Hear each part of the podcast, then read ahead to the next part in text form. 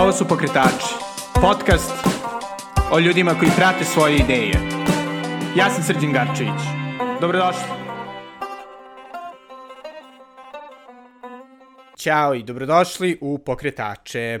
Današnji gost je sjajni Tomislav Ivanović, jedan od najvećih poznavalaca domaćih vina kao istorije našeg vinarstva. Tomislav blog Vinopedija je 2016. osvojio prestižnu Milesima Blog Award za najbolji evropski blog o vinu i gastronomiji, dok je njegov projekat Svetski dan prokupca, koji se obeležava 14. oktobra svake godine, privukao pažnju dosta domaćih, ali i svetskih vinskih eksperta eksperata, uključujući i jednu od najpoznatijih e, vinskih kritičara, koja trenutno radi, Jensis Robinson. Sa Tomislavom sam pričao o napornom radu i ideji koja stoji iza Vinopedije, ali o tome kako da najbolje iskoristite ovo leto, da upoznate što domaće vina sa prijateljima, a što njihove proizvođače koji su e, raštrkani po nekim od najlepših delova naše zemlje. E, pre nego što čujete Tomislava, naravno želim da vam se zahvalim svima vama koji slušate, a pogotovo onima koji finansijski podržavaju ovaj podcast, ali i moj blog The Nutshell Times preko Patreona ili Paypala. E, bilo kolika donacija mi dosta znači da bi ova dva projekta mogli da nastave da postoje, ali možda i da rastu. I ukoliko želite da ih pomognete, to možete učiniti na adresama patreon.com kosacrta Belgrade kao i paypal.me kosacrta s Garcevic. A sada, ovo je Tomislav Ivanović iz Vinopedije. Želim da vam se unapred izvinim za loš kvalitet zvuka, ponovo smo snimali preko Skype-a, nažalost u ovoj situaciji to je verovatno jedina opcija, tako da izvinite na pucketanju, ali nadam se da ćete uživati u dosta zanimljivih stvari koje je Tomislav rekao. Prvo, eh, hvala puno što si prihvatio da budeš u pokretačima. E, interesuje me kako, kako je uopšte krenula krenulo tvoje interesovanje za, za vina? Pozdrav srđane, pa priča o vinu je onako nekako kod mene se desila prilično onako iz, eh, da kažem, radoznalosti i više iz nekog hobija, da bi se posle onda postala ozbiljnija i profesionalna. Tako da kod mene vina, pri, ja sam uvek ono i od, od srednje škole kad sam počeo da onako sa društvom i alkohol da pijam, Ovaj, uvek sam nekako više preferirao vino nego pivo ili žestine. Ovaj, mm -hmm. I u, uvek je postojalo to interesovanje prema, prema vinu. Međutim, a, negde 2010. godine, ja sam tad radio u banci, ono, ovaj, i tad sam upoznao jednog isto švajcarca, znači, ovaj, ovde u Beogradu, koji je u to vreme imao devojku u Beogradu i koji je imao plan da se preseli iz dosadne Švajcarske u Beograd gde je bio oduševljen i, i mladima i dinamikom i ritmom mhm. grada, života. Tako da je on, sa njim sam pričao i on kao kaže meni gde bi ti ovaj, investirao par kakav biznis bi pokrenuo kad, da si na mom mestu. I ja kažem, reko, ja nemam pojma, ne mogu ja za tebe da odlučujem, ali kao, reko, ja sebe vidim ono sad, da završim sa, sa jednog dana kad se penzionišem da imam negde imanje u, u centralnoj Srbiji, neki vinograd tu pored i da ono, uživam. Ovaj, I on kaže, e kao super, ajde to kao da investiramo za I kažem, stani polako, ono, ne može, to je ipak dugoročna investicija, nije, nije tako jednostavno. Ovaj, I onda on hteo, imao razne ideje i da osiguranje, prodaje i svašta i na kraju smo se dogovorili da objedinimo, pošto i njega su interesovala vina, da napravimo blog koji će baviti vinima iz Srbije i ovde regije, koje, ono, pošto ja sam završio engleski, tako da bio bi blog na engleskom i na srpskom i da kad postane referenta nakon nekog vremena da on krene marketing i da on se bavi prodajom vina online. Pretpostavljam širom Evrope. Naravno, on ima ideju, pošto ima dosta naših ljudi u Švajcarskoj, da to tako se onako spoji lepo i korisno. Međutim, mi smo krenuli u to i zaista razradili ideju, biznis plan, sve. ja sam krenuo, pošto sam ja bio zadužen za blog i za pisanje i pošto sam poznavao srpske regije i vina i vinarije, tako da sam ja krenuo da, da pišem tekstove, onako, to je sve bilo iz početka, onako, ovaj, nalaziš slobodno vreme posle posla, kad se uveče pišem, ono, kad sam slobodan, i, ovaj, i dalje sam insistirao od početka da bude i na srpskom i na engleskom jeziku. I posle nekih godinu dana on je raskinuo sa, sa devojkom sa kojom je bio iz Beograda i onda je odlučio da ipak nije toliko motivisan da ostane ovde da živi, tako da se on vratio u Ženevu, ovaj, a ja sam ostao sam sa, sa vinopedijom i, ovaj, i onda sam razmišljao da li da to sad sve stane ili da nastavim i odlučio sam da nastavim. I to je postepeno, znači bukvalno korak po korak, gradio sam onako i, i količinu tekstova i uopšte sadržaja koji su na, na Vinopediji bili i posle, eto, sad je već 10 godina, znači sad je Vinopedija otprilike jedan od top 3 vinska magazina ili portala u Srbiji koji se bave vinom. Inače, i taj presudni trenutak je bio 2016. godina, jer je tad e, Vinopedija dobila nagradu za najbolji vinski blog e, u Evropi i to je po prvi put da je neki blog iz istočne Evrope dobio nagradu na tom takmičenju u Francuskoj, u Bordeauxu. Sjajno dostignuće, e, ali da se vratimo u taj period možda do 2010. pošto ono što je meni sjajno na Vinopediji je zato što uh, sa jedne strane ima dosta informacija i vrlo makar za mene koji sam donekle like ovaj, relativno tehničkih informacija, ali s druge strane je vrlo pitko napisan. E, pa me interesuje kako si se obrazovao uopšte o vinima i o, pogotovo o zemlji koja nije poznata. Da, kad sam 2010. počeo, tada je to već ono bilo više onako amaterski, onako kao ljubitelj, znači sam sam čitao, kopao tekstove, pronalazio, pričao sa vinarima, obilazio vinarije.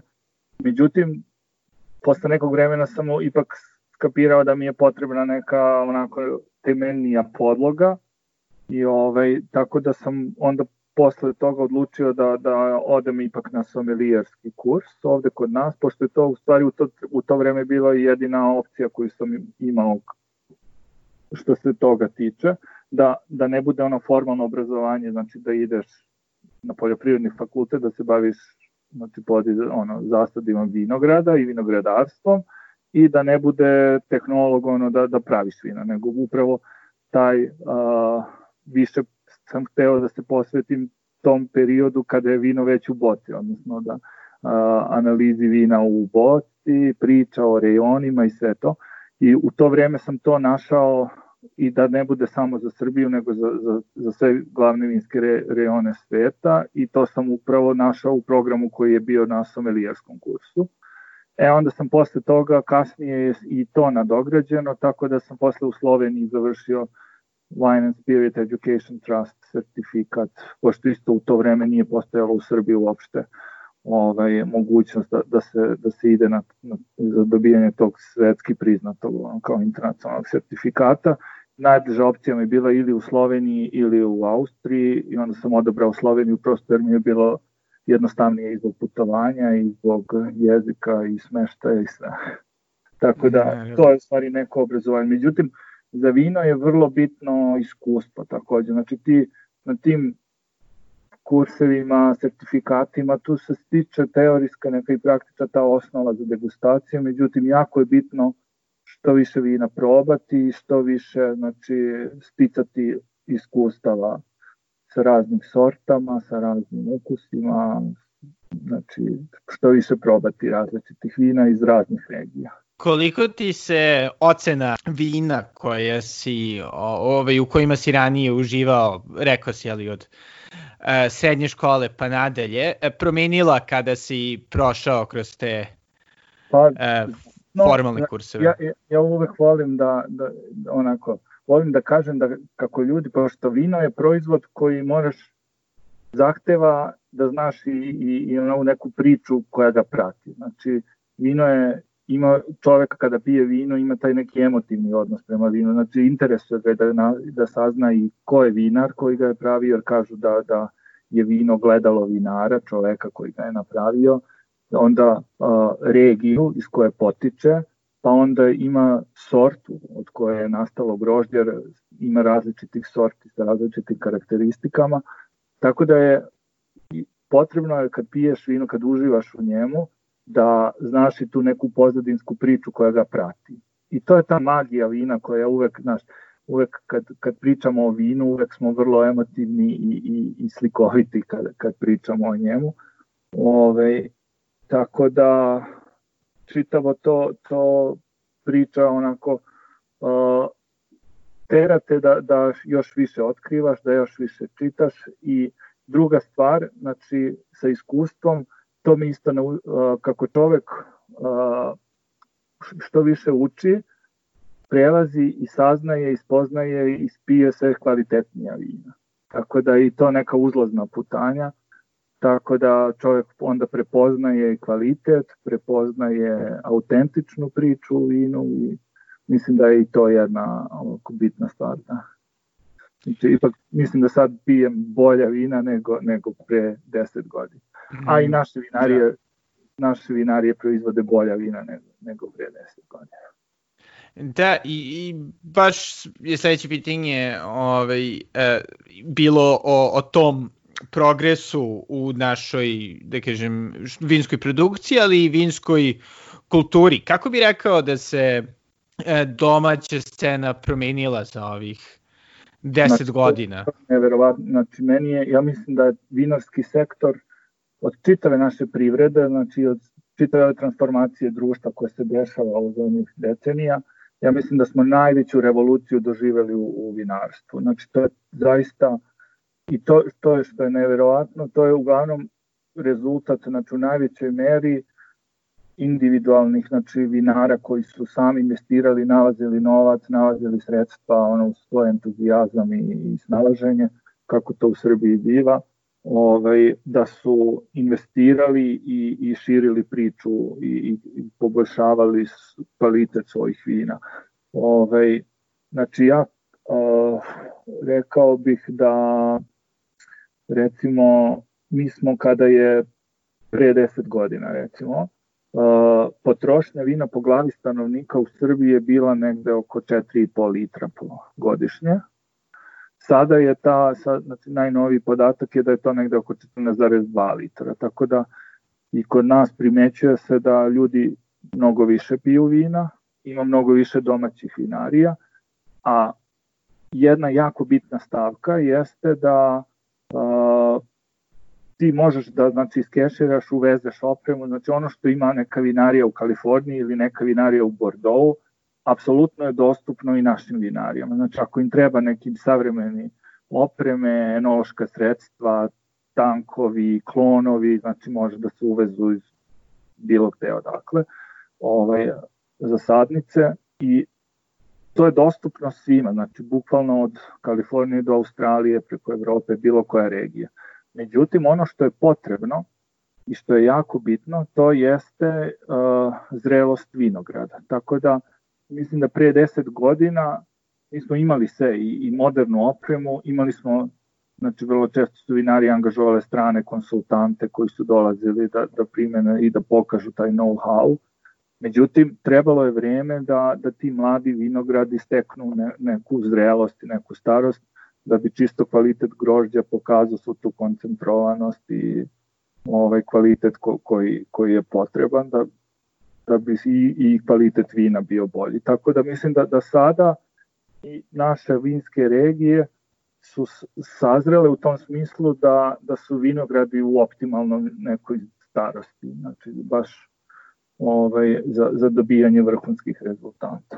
Isto, isto volim onako kao anegdotu da kažem da mi danas pijemo najkvalitetnija moguća vina. Znači, ako gledaš istorijski od početaka, kada su počeli još i od starih Grka i od Rimljana i u srednjem veku, znači danas se piju najkvalitetnije vina što je civilizacija mogla sebi da priušti.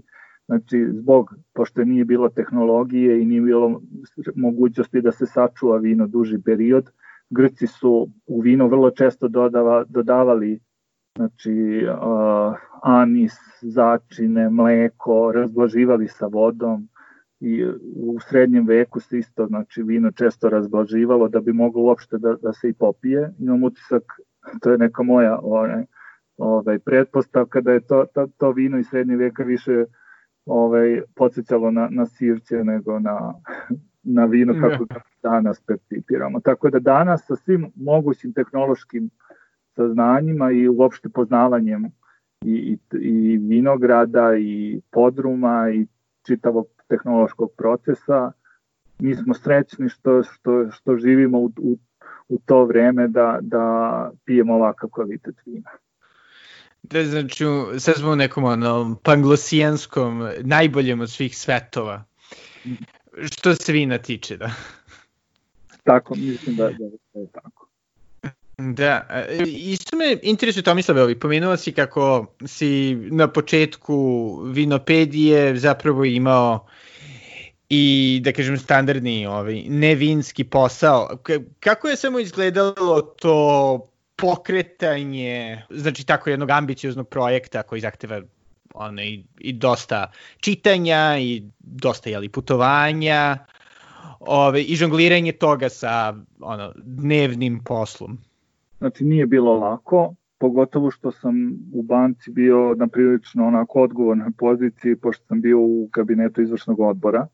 Tako da, znači ono, kad su upravni odbori, kad su te, te, te sastanci tih uh, organa upravljanja banke, to je bilo jako stresan period i ovaj, pošto su bile strane banke u pitanju, pa još i o, ta logistička organizacija ovaj, i dostavljanje materijala na strananstvo i videokonferencije, znači ovaj, tako da je bilo prilično onako potrebno je bilo dobro planiranje, ja sam maksimalno trudio se da iskoristim svoje vikende, znači putovanja su bila vezana za vikende, eventualno kada mogu da, da odvojim od godišnjeg odmora uzmem petak ili ponedeljak ili već. Mada moram da kažem i da, i da svemu tome imao sam sreće i sa poslodavcem, pošto je imali su razumevanja i za naše ono privatne živote, znači nije bilo ono da radiš od ujutro do uveče, nego bili su svesni da, da, da ljudi imaju, zaposleni imaju i druga interesovanja, tako da u suštini sam uspeo ovaj, da, da, da onako da izbalansiram i privatni život i poslovni i nisam, znaš, imalo je situacija kada sam morao da otkažem neki poziv da obiđem neku vinariju negde u inostranstvu, jer sam u to vreme otprilike imao ne, neke obaveze na, na poslu, dešavalo se to, uvek je posao naravno imao prioritet, ako, ako o tome pričamo, ali ovaj, ali sve u svemu uvek je mogao da se nađe ili drugi termin ili znaš, nekako da se uklopi. Tako da... I je li postojao možda neki resurs koji si najviše koristio u početku ovaj, pre jeli, somilijerskog kursa? Mislim, kako, kako si se uopšte obrazovao inicijalno? Znači, pazi, uh, o Srbiji i nemaš puno izvora, znači mi stalno, ja, ja kažem, mi Srbi uvek pričamo kako imamo istoriju, stalno, stalno smo, puna su nam usta istorije, međutim, u suštini jako malo poznajemo našu sobstvenu istoriju, tako da i takva je situacija kada pričamo o vinu i vinarstvu i znači ponekad čujem i naše vinare i, i ljude koji se bave vinima kako pominju i cara Lazara i i, i Dušana i neke vinovode po, po Srbiji kojima se transportovalo vino. Međutim, to su sve onako neki urbani mitovi koji u stvari nisu toliko provereni ili ne postoji dovoljno istorijskih izvora koji bi o tome. Tako i sa, sa učbenicima i uopšte sa literaturom koja je uglavnom iz vremena Jugoslavije i ovaj, tako da ako pričamo o, o, o svim zemljama bivše Jugoslavije, znači tu su izvori prilično limitirani. Ovaj, izvori iz vremena Jugoslavije uglavnom ističu vinograde i čitav koncept vinarstva je tad bio zasnovan pošto su bile one o, zadruge poljoprivredne i te velike industrijske vinarije, znači bilo je samo cilj da se što više proizvede, znači nije bio insistiranje na kval, kvalitetu nego na kvantitetu, pošto je Jugoslavija bila peti izvoznik vina u svetu po onog rinfuznog vina. Tako wow. da, da, to, to jako malo ljudi znali. I, I gde je tu stajala Srbija? Mislim, pretpostavljam da je više bilo iz Hrvatske i Slovenije trećina, i Makedonije. Trećina to, te količine je bila iz Srbije. Ovaj, znači, Srbija sa Kosovom, uključujući, znači, pošto je jako puno i na Kosovu bilo, bilo vinograda, ovaj, je bila jako veliki proizvođač. Prosto, znači, ljudi kod nas opažaju Hrvatsku kao vinsku zemlju, a Srbiju ne. Međutim, treba uzeti u obzir da Hrvatska ima prilično limitiran prostor za širenje vinograda, jer su njima dole Dalmacija, vinogradi su na ostrovima gde ne postoji mogućnost da ti sad ne znam koliko proširiš postojeće vinograde na, na, kada si na ostrvu. Pogotovo što je tu i turizam, tako da uvek je ono, investitori razmišljaju da li da otvore hotel ili da, da podignu vinograd. Ovaj, dok u Srbiji postoji jako puno. Znači, Srbija je u vreme Jugoslavije imala negde 70.000 hektara vinograda, Mi sada trenutno imamo negde oko 22.000, tako da plus nekih neupisanih otprilike 2-3 hiljade onako po oko vikendica po privatnim imanjima, tako da maksimalno 25.000. Ove, što, znači, samo govori, većina, da. Što samo govori da postoji jako puno prostora i postoji mogućnosti da se i dalje šire vinogradi. Mm, da, wow. A a čisto da se vratimo, edukacija, a ono što se tiče nekog, da kažem, opšteg, osnovnog e, znanja o vinu, naravno pre e, fantastičnih resursa na vinopediji, ja, ja ove, jel postoji nešto što je bilo korisno? Sam po izvorima, znači, hva, super stvar je da, da, na primjer, Univerzitetska biblioteka Svetozar Marković, Narodna biblioteka Srbije imaju jako puno ovaj, važnih knjiga i dokumenata i uopšte i periodike, tako da, pošto me interesovalo jako puno, i, ja se i, i, i trudim da, da pokažem da Srbija i tekako ima vinsku istoriju i da nije to nešto što je nastalo 90. godina 20. veka, da, da se vinarstvo kod nas počelo razvijati, nego sam baš upravo hteo da pokažem da u 19. veku je Srbija bila jako bitna stavka u evropskom vinarstvu i da je jako velika količina vina se iz Srbije izvozila na, na, na zapad Evrope krajem 19. veka i u Francusku i u, i u Nemačku i ove, na zapad. Ovaj, I to, to jako puno sam uspevao da pronađem izvora u, zahvaljujući arhivama biblioteka.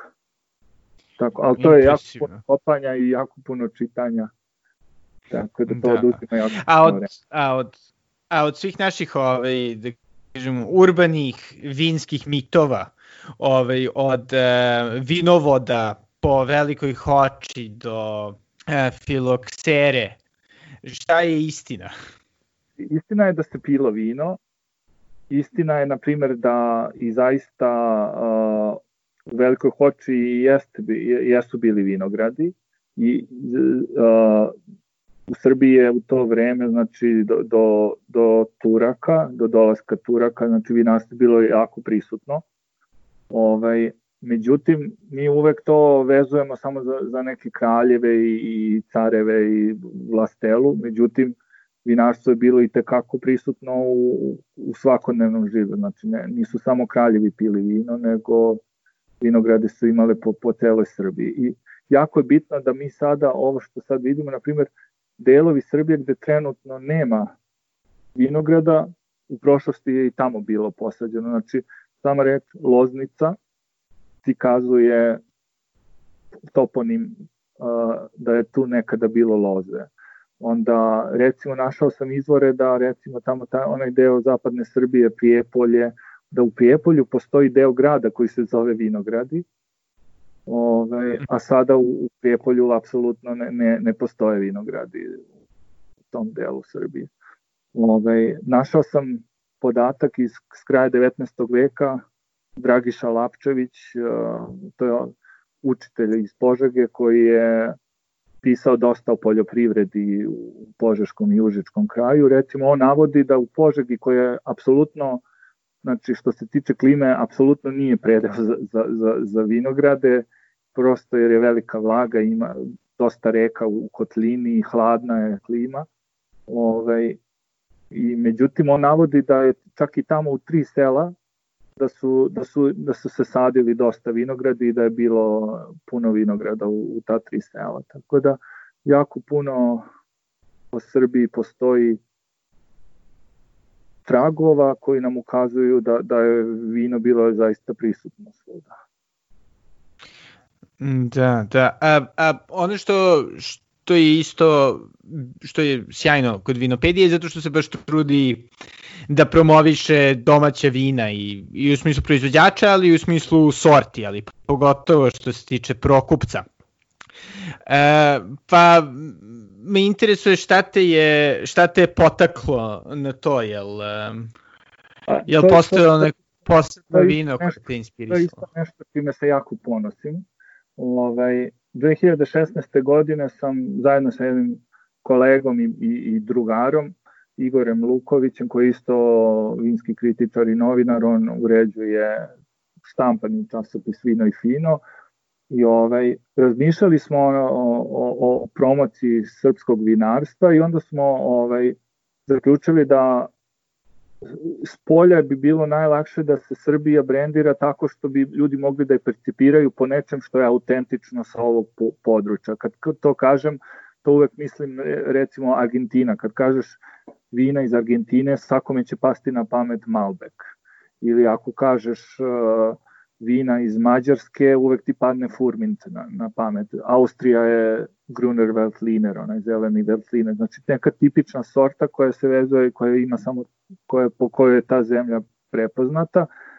I od ovih svih naših autentičnih, ono, lokalnih sorti, mislili smo da Prokupac ima neku najveću najveći potencijal da, da bude priča koja bi mogla da zainteresuje i, i svet izvan Srbije.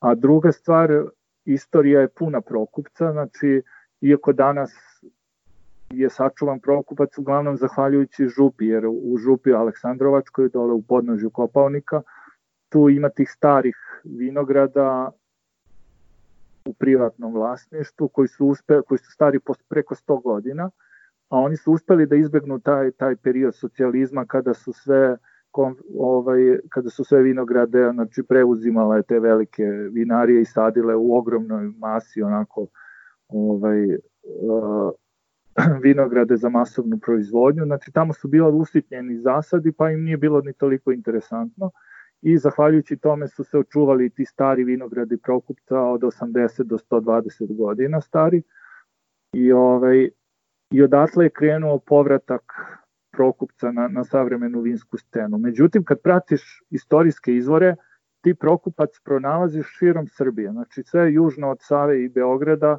u svim regijama je Prokupac bio jedna od najznačajnijih sorti u vinogradu. Znači, sad negde se nazivao kameničarka, znači Šumadija i centralna Srbija je imao naziv kameničarka, negde se, se nazivao rskavac, negde se nazivao Prokupac, Prokupac inače ime potiče od, eh, jer se nekad zvalo Prokupačko crno vino, u okolini Prokuplja je bilo jako puno vinograda, negde oko 2000 hektara, samo u okolini grada, o, o, oko grada. Ove, tako da je Prokupačko crno se skratilo na Prokupac.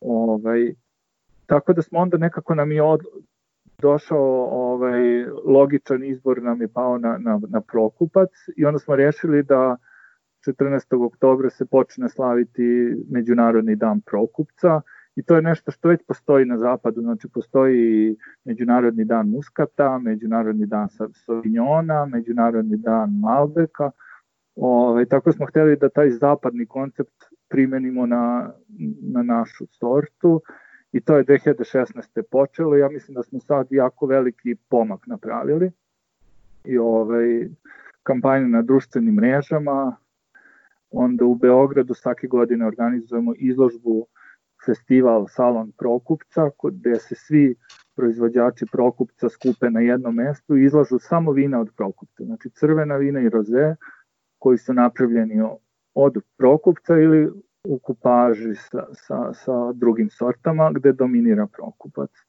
I do, to smo stigli i do toga da je posle dve godine kako smo to organizovali, Jancis Robinson, koja je inače jedan od najvećih trenutno autoriteta u Evropi i u svetu što se tiče vina, ona je na svom web sajtu napisala tekst o Prokupcu. Tako da to nam je bio onako jedan baš veliki vetar u leđa. Šta misliš da je bilo ključno u tome da, da tako ambiciozan projekat uspe, pošto je prilično impresivno to što ste postigli? Znači, ključno je što su svi shvatili važnost toga. I, i znači, prva godina je bila teška, jer je, kad smo mi to krenuli, znači, na, naša je bila ambicija da svako se oseti članom toga i da ne bude ekskluzivno da to ja i Igor organizujemo, nego da i onaj tamo uh, potrošač koji će 14. oktobra sedeti u nekom baru ili u kafiću u gradu i naručiti čašu prokupca i fotografisati i objaviti to na društvenim mrežama i onaj vlasnik vinoteke ili, ili bara koji će tog dana da nudi specijalni popust, ako kupiš dve boce on ti da još treću besplatno ili sa 20% popusta. I onaj vinar koji će tog dana da prima turiste i kod sebe u podrum isto da im da neku nagradu ili će da dođe kod nas na salon da, da ljudima priča priču o Prokupcu i da objašnjava ovaj, zašto, zašto je Prokupac posebna sorta u odnosu na druge.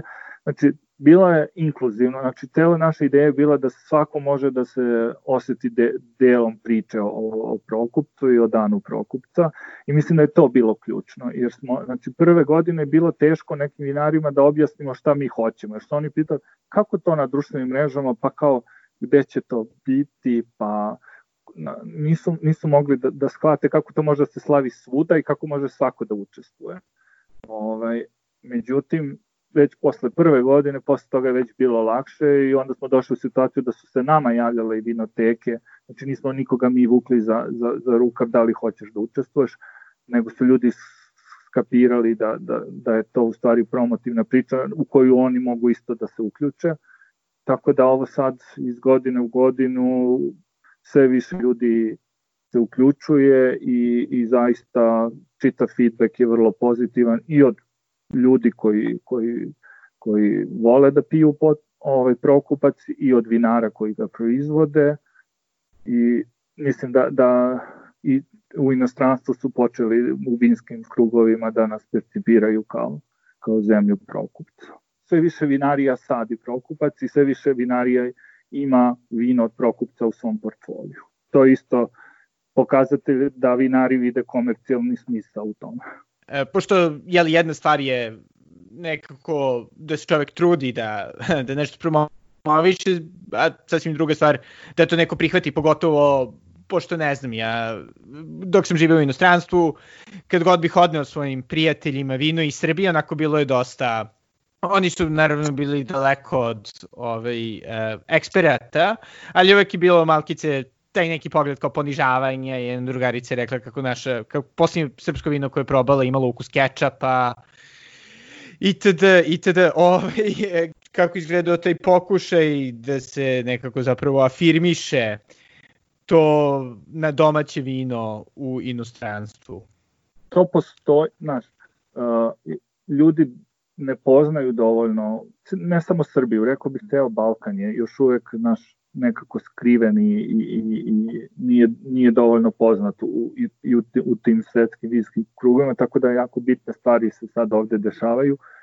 A međutim, oni su ipak otvoreni da, da vide šta se to dešava. Znači, postali su svesni da, da ovde se nešto bitno desilo kada su naši vinari počeli da šalju vina na svetska ocenjivanja, naravno tamo je blind tasting, znači ono, anonimno se ocenjuju vina i onda kad su videli da, da zlatne medalje i da trofeja počelo su da osvajaju i vina sa ovih prostora, znači ne samo iz Srbije, već i iz Hercegovine, iz Makedonije, iz Hrvatske.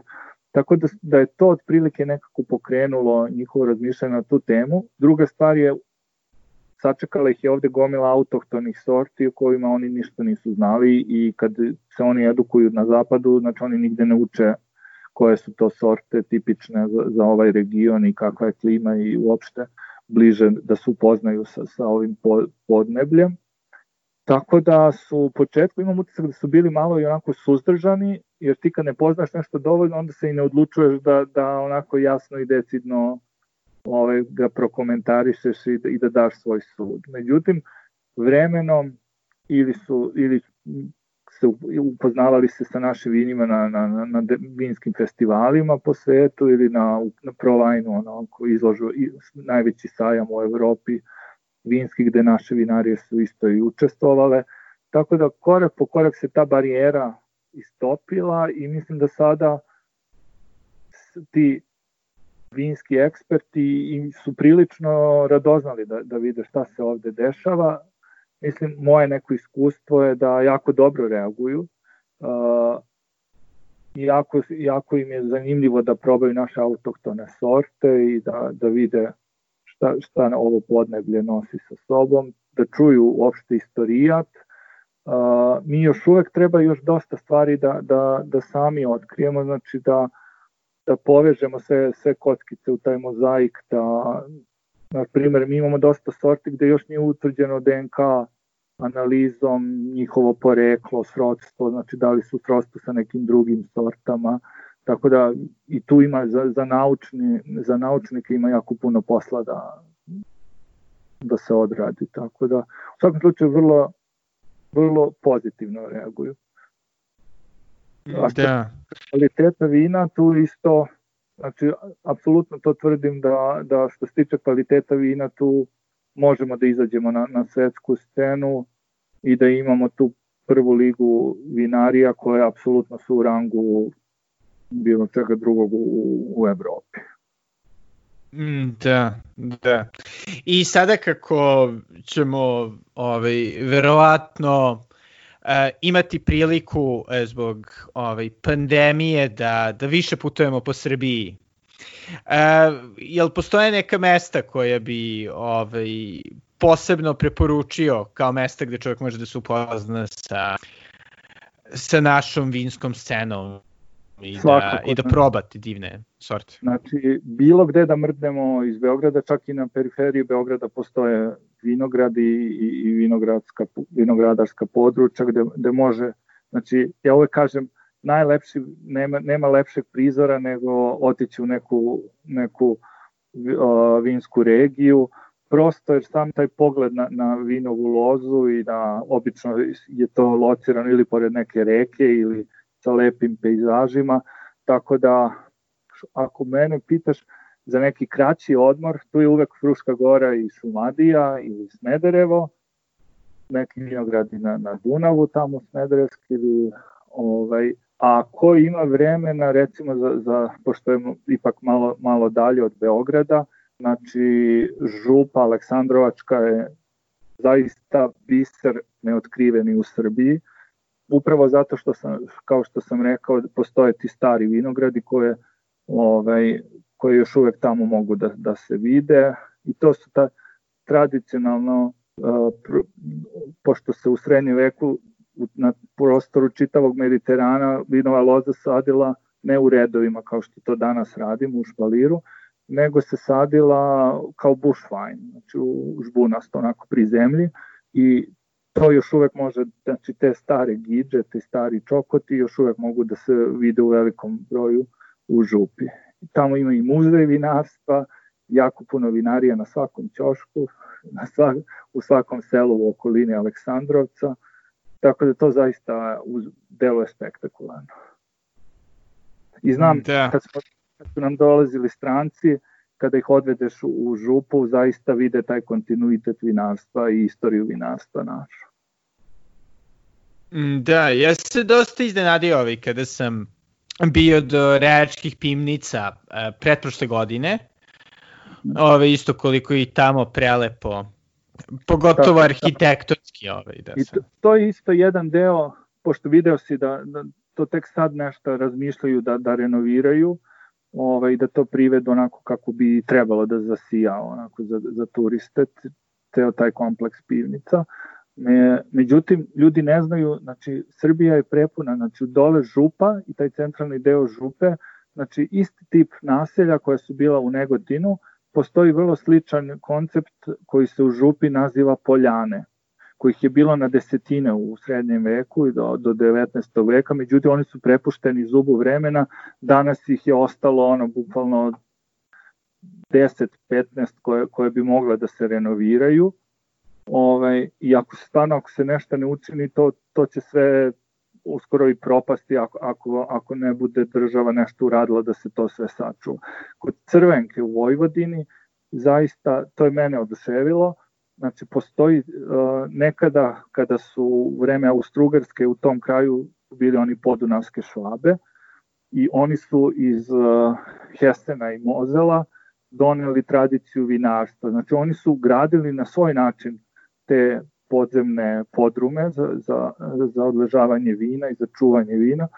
I ovaj to nažalost u Crvenki sam video jako veliki broj tih ostataka tih podruma, međutim to je tako neiskorišćeno, ništa država nije učinila da se to nekako sačuva, da se to stavi u modernu upotrebu, možda da se naprave line shopovi neki, na neki način da se, da se iskoristi za, za neke kulturne institucije ili za suvenire ili za privlačenje turista, tako da i to isto je još uvek čeka svoj, svoj trenutak da zablista. Ali uglavnom postoji jako puno tih istorijskih a, autentičnih stvari koje samo treba čekaju svoj trenutak da ih stavimo u upotrebu.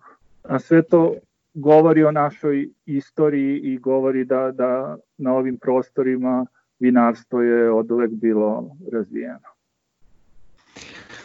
Pa da, zapravo valjda, ili tako i, i u Beogradu, ovaj, baš na uglu Tadeuša Košćuškog i e, Dušanove isto postoji zapravo ogroman vinski podrum koji je valjda još predratan, mislim od porodice da. Jovićević ili ovaj, koji nažalost isto neiskorišćen i, i baš me ovaj, interesuje, pošto jeli, celo to, to pisanje uh, o vinu i istraživanje i putovanje, ovaj, sve zvuči prilično onako bajkovito, ovaj, ali postoje neki delovi eh, tvoga rada koji te, da kažem, nerviraju, koji su ti posebno teški za, za, za obavljanje ili prevazilaženje?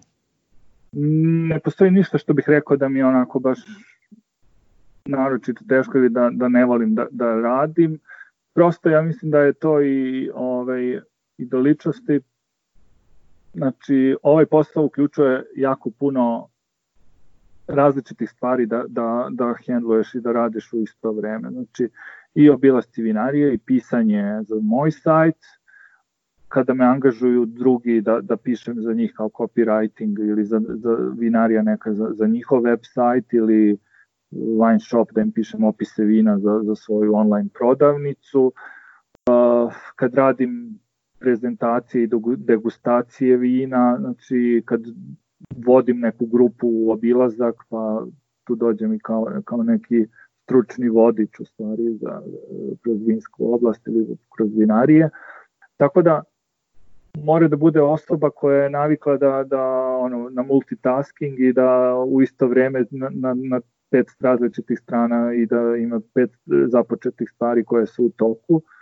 Ove, tako da mislim da je to, to ključno, da, da osoba dobro organizovana. I onda, onda nije teško. Mislim, sve se na kraju svodi u priču o vinu, vino okuplja ljude koji su prilično onako erudite i dosta interesovani, može u priči sa vinarima može se jako lepih priča i da se čuje i pametnih stvari, tako da uz čašu vina Tako da mislim da je, da je to sve ovaj, više uživanje nego, nego osjećaj nekog teškog rada.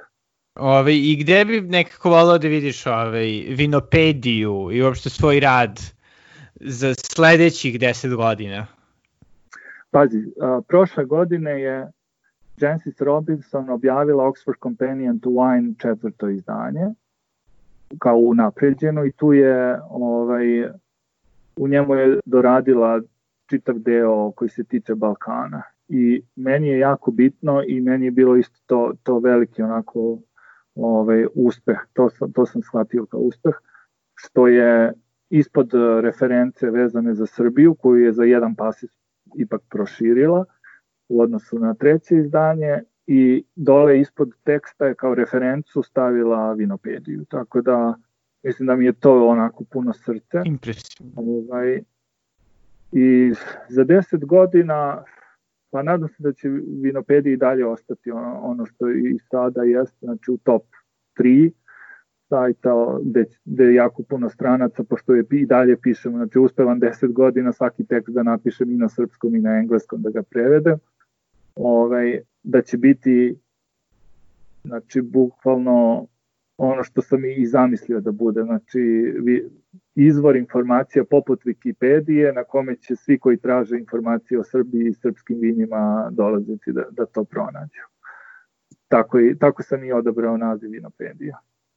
Jel se i dalje nadaš penziji ili u svom slučaju ono, ranijem odmoru u nekom vinogradu ili... Penzija sigurno ne u Beogradu, znači uživanje. Ovo, sad sam imao test za vreme ovog lockdowna, dva meseca u stanu sa, sa terasom, ovaj, tako da definitivno biram prirodu i sela od Srbije, neke vinske krajeve i već imam, ovaj, već sam na vreme, znači što se toga tiče, već sam kupio jednu parcelu od 2 hektara ovaj, domaćinstvo jedno u, kod Topole, tako da eto, to mi je neka možda ideja za, za penzionistanje. U, pa super, dobro, to je, to je baš, baš fantastično, znači ovaj, polako, polako pripreme su u toku. Da.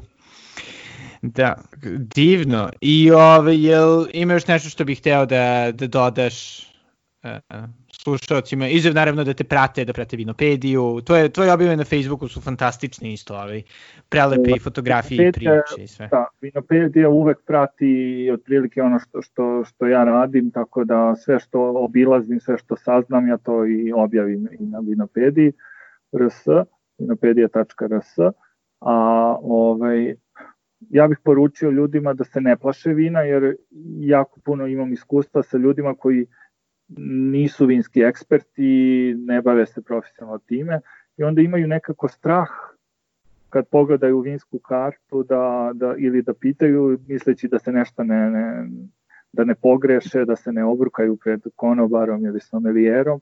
Znači, moje, moje neka poruka bi bila da evo sada ćemo ovu godinu silom prilika ćemo verovatno svi provesti vikende putujući po Srbiji, da odaberu i neku vina, vinariju iz Srbije, da posete i tu je, tu je prilika da se jedan na jedan, znači sa ljudima iz vinarije ili sa vlasnikom ili zaposlenima, da u otvoren onako opušten razgovor uz čašu vina, da, da odgovore im na sva pitanja i vidjet će da, da, da vino je ipak više uživanje nego ne, nešto što što treba da čega, čega se čovek boji. Znači, tako da moja poruka je posetite srpske vinarije, pite srpska vina i uživajte. Nekako u pogretačima uh, sam, dobro do sada sam imao uh, jednu priču o, o vinu, ovaj, ali sam više imao priču o craft pivima. Ovaj. Kako gledaš, da kažem, to širenje, uh, da kažem, opsežnog pisanja i istraživanja alkohola sada na piva i ali od skore i na džinove? Mislim da je to pozitivna stvar jer smo prešli onu stepenicu kada se alkohol samo smatrao sredstvom za brzo napijanje i, i kad je bio znači vrhunac kvaliteta nekog alkoholnog pića je da je dovoljno jak da te što pre da te što pre onako uzme. Ovaj mislim da smo i mi uh, postali više hedonisti i da smo razvili tu kulturu pijenja, da, da ne pijemo da bi se na brzinu napili, nego zaista da bismo uživali u svim tim ukusima i, i, i mirisima i aromama koje nam, jer to su sve prirodni, znači fermentacijom voća i prirodnih proizvoda, tako da čitava ta i, kultura i kraft pivara i džinovi sve, Znači to, to sve postoji, to ima svoju ulogu u kulturi, u gastronomiji i u našoj svakodnevnoj kulturi življenja i mislim da, da i to ide u dobrom smeru. Znači prevazi, prevazilazimo taj ovaj, taj uh, element alkoholnih pića da, da je svrha da se brzo napijemo u društvu.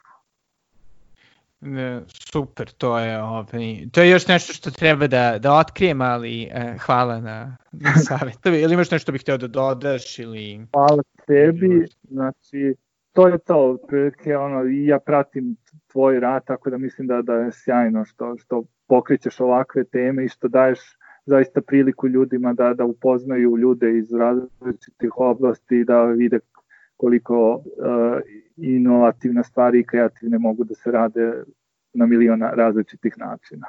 I to je bio Tomislav Ivanović iz Vinopedije. Nadam se da vas je inspirisao da iskoristite našu novo dobijenu slobodu, da uživate u vinima po ovim divnim kasnoprolećnim danima. Konačno, naravno, hvala svima vama koji slušate, hvala svima koji delite, a pogotovo hvala svima koji finansijski podržavate pokretače i The Natural Times. Do sledećeg slušanja, doviđenja.